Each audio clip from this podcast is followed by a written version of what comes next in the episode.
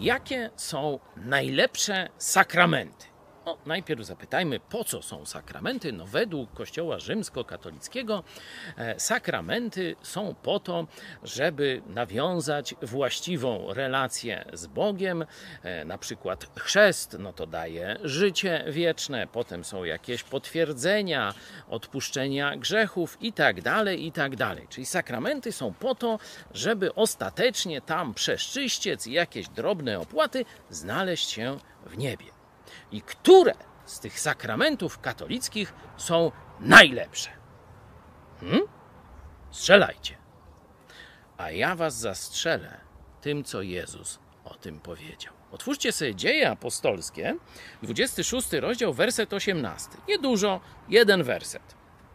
Jezus mówi, jaki jest cel misji, z którą wysyła apostołów.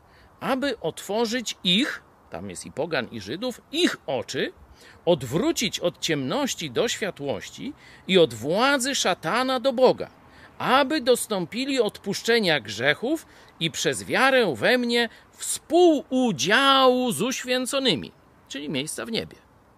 Nie? Jezus tu mówi o odpuszczeniu grzechów, o wyrwaniu z ciemności, o otworzeniu oczy, o uświęceniu i tak dalej, i tak dalej. Ile razy mówi o sakramentach?